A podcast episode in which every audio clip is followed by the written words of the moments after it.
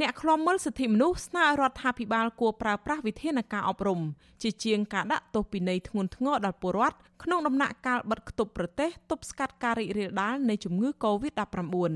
អ្នកនាំពាក្យសមាគមការពារសិទ្ធិមនុស្សអាត់ហុកលោកសឹងសែនករណាមានប្រសាសន៍ថាក្នុងពេលបច្ចុប្បន្នពលរដ្ឋពិបាកតាមដានឲ្យទាន់ស្ថានភាពវិវត្តថ្មីថ្មីដែលចេញផ្សាយដោយរដ្ឋាភិបាលលោកថាចំណែកការគ្រប់គ្រងនិងការទទួលខុសត្រូវរបស់អាជ្ញាធរនៅតាមតំបន់រាំងខ្ទប់មួយចំនួនពុំមានការទទួលខុសត្រូវនិងអនុវត្តឲ្យបានត្រឹមត្រូវនៅឡើយ ដូច្នេះលោកថារដ្ឋាភិបាលគួរតែប្រើប្រាស់ត្រឹមវិធានការពន្យល់អប់រំនិងឲ្យអ្នកធ្វើខុសធ្វើត្រឹមកិច្ចសន្យា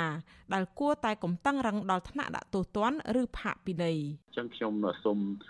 លើកទឹកចិត្តទៅដល់ខាងសមត្ថកិច្ចក៏គួរតែកុំមានវិធានការតាមតឹងពេកទៅលើប្រជាពលរដ្ឋគួរតែមានគិតគូរអំពីរោគដំណោះស្រាយឲ្យបានត្រឹមត្រូវហើយ បញ្យលនិងធ្វើការអប់រំពួកគាត់ឲ្យបានយល់ដឹងដើម្បីសហការ គ្នាឲ្យបានចូលរួមទប់ស្កាត់ទៅលើបញ្ហាកូវីដនេះទាំងអស់គ្នាវាប្រសើរជាងយើងប្រើវិធានការតឹងរឹងពេកដែលធ្វើឲ្យពួកគាត់មិនសប្បាយចិត្តទៅជាការអនុវត្តជាកើនជាឌឺដងអីទៅនឹងវិធានការទាំងអស់នឹងទៅវិញអញ្ចឹងវាជាហេតុធ្វើឲ្យប៉ះពាល់មកដល់ប្រជាពលរដ្ឋផ្សេងទៀតក៏ដូចជា សង្គមជាតិរបស់យើងទាំងអស់ហ្នឹងវាអាចបន្តនៅរយៈពេលយូរទៅទៀតបើសិនជាពលរដ្ឋមិនបានចូលរួមសហការទេបញ្ហារាតត្បាតទៅលើបញ្ហាកូវីដនេះវាកាន់តែវែងឆ្ងាយហើយមានភាពយូរអង្វែងអញ្ចឹងយើងមានការព្រួយបារម្ភទៅលើចំណុចទាំងអស់ហ្នឹងដែរបងការលើកឡើងនេះធ្វើឡើងបន្ទាប់ពីតុលាការចំនួន3ខេត្តគឺខេត្តកំពង់ចាមខេត្តតាកែវនិងខេត្តស្វាយរៀងផ្ដន្ទាទោសមនុស្សចំនួន6នាក់ដែលអាជ្ញាធរចោទថាបានបំពានបំរាមរដ្ឋាភិបាលដើម្បីទប់ស្កាត់ការឆ្លងរាលដាលជំងឺ Covid-19 ចៅក្រមសាលាដំបងខេត្តតាកែវកាលពីថ្ងៃទី20ខែមេសាបានផ្ដន្ទាទោសយុវជន4នាក់ ដែលតុលាការចោទថា បានល្មើសបំរាមជួបជុំគ្នាស៊ីផឹកចាក់ធុងបាសរំនៅភូមិអង្រាំងឃុំបឹងត្រាញ់ខាងជើង ស្រុកសំរោងឲ្យជាប់ពន្ធនាគាររយៈពេល1ឆ្នាំ និងពិន័យលុយម្នាក់1លានរៀល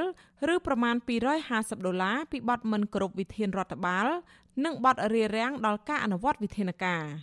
យុវជនទាំង4នាក់នេះត្រូវបានដាក់ឲ្យអនុវត្តទោសស្របតាមច្បាប់ស្តីពីវិធានការទប់ស្កាត់ការឆ្លងរាលដាលនៃជំងឺ Covid-19 និងជំងឺឆ្លងកាចសាហាវនិងប្រកបដោយគ្រោះថ្នាក់ធ្ងន់ធ្ងរផ្សេងទៀតដែលហាមការជួបជុំដើម្បីទប់ស្កាត់ការឆ្លងរាលដាលជំងឺ Covid-19 នៅក្នុងសហគមន៍នៅឯខេត្តកំពង់ចាមវិញតុលាការបានផ្តន្ទាទោសបរិះអាយុ50ឆ្នាំម្នាក់ទៀតដាក់ពន្ធនាគារ1ឆ្នាំពីបទរារាំងដល់ការអនុវត្តវិធានការនិងបទប្រមាថ បន្ទាប់ពីបរិះរូបនេះបានផឹកស្រានៅភូមិរំលេចឃុំរំជែកស្រុកកំពង់សៀមខេត្តកំពង់ចាមចំណែកតុលាការខេត្តស្វាយរៀងនៅថ្ងៃទី20ខែមេសាដដែលក៏បានសម្រេចឃុំខ្លួនបណ្ដោះអាសន្នបុរសម្នាក់ទៀតករណីលួចដឹកមនុស្សពីរាជធានីភ្នំពេញទៅខេត្តស្វាយរៀង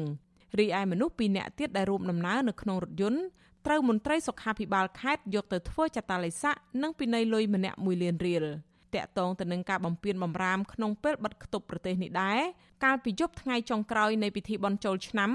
នគរបាលរាជធានីភ្នំពេញបានចាប់បញ្ជូនឧត្តមសេនីយ៍ពាក់ផ្កាយ2ម្នាក់ឈ្មោះអង្គចន្ទធុនិងពលរដ្ឋ2នាក់ទៅសាលាដំបងរាជធានីភ្នំពេញដោយសារតែល្មើសបំរាមជួបជុំគ្នានេះ។ កាលពីដើមខែមេសានគរបាលខណ្ឌសែនសុខធ្លាប់ចាប់បញ្ជូនបរិះ3នាក់ទៅតុលាការម្ដងហើយពាក់ព័ន្ធនឹងការផឹកស្រាជុំគ្នានិងច្រៀងរាំដោយមានចាក់ធុងបាសបំពេញវិធានការប្រយុទ្ធប្រឆាំងនឹងជំងឺ Covid-19 ការចាប់ខ្លួនមនុស្សជាបន្តបន្ទាប់នេះធ្វើឡើងក្រោយពេលលោកនាយករដ្ឋមន្ត្រីហ៊ុនសែនបានបង្ហាញការខឹងសម្បារចំពោះពលរដ្ឋដែលនៅតែបន្តបំពេញបំរាមបិទគប់ដែលលោកបានដាក់ចេញយ៉ាងតក់ក្រហល់តាក់ទងទៅនឹងការដាក់តំបន់មួយចំនួនជាតំបន់ក្រហមវិញ ក្រុមអ្នកឃ្លាំមើលសង្គមនិងអ្នកវិភាគរិះគន់វិធានការហិង្សារបស់កងកម្លាំងសន្តិសុខដែលប្រើប្រាស់អំពើហិង្សាលើពលរដ្ឋនៅតាមដងផ្លូវថាជាការដោះស្រាយបញ្ហាតាមវិធីក្រោតក្រៀត អរិយាប័ត្រគ្មានសិលធម៌ដែលមិនមែនជាដំណោះស្រាយសមស្របក្នុងស្ថានភាពពេលនេះទេពលគឺពលរដ្ឋត្រូវការកម្លាំងចិត្តនិងការលើកទឹកចិត្តពីរដ្ឋាភិបាលដើម្បីចូលរួមទប់ស្កាត់ការរីករាលដាលជំងឺ Covid-19 ទាំងអស់គ្នាចា៎នាងខ្ញុំខែសុណងអាស៊ីសេរីរាយការណ៍ពីរដ្ឋធានី Washington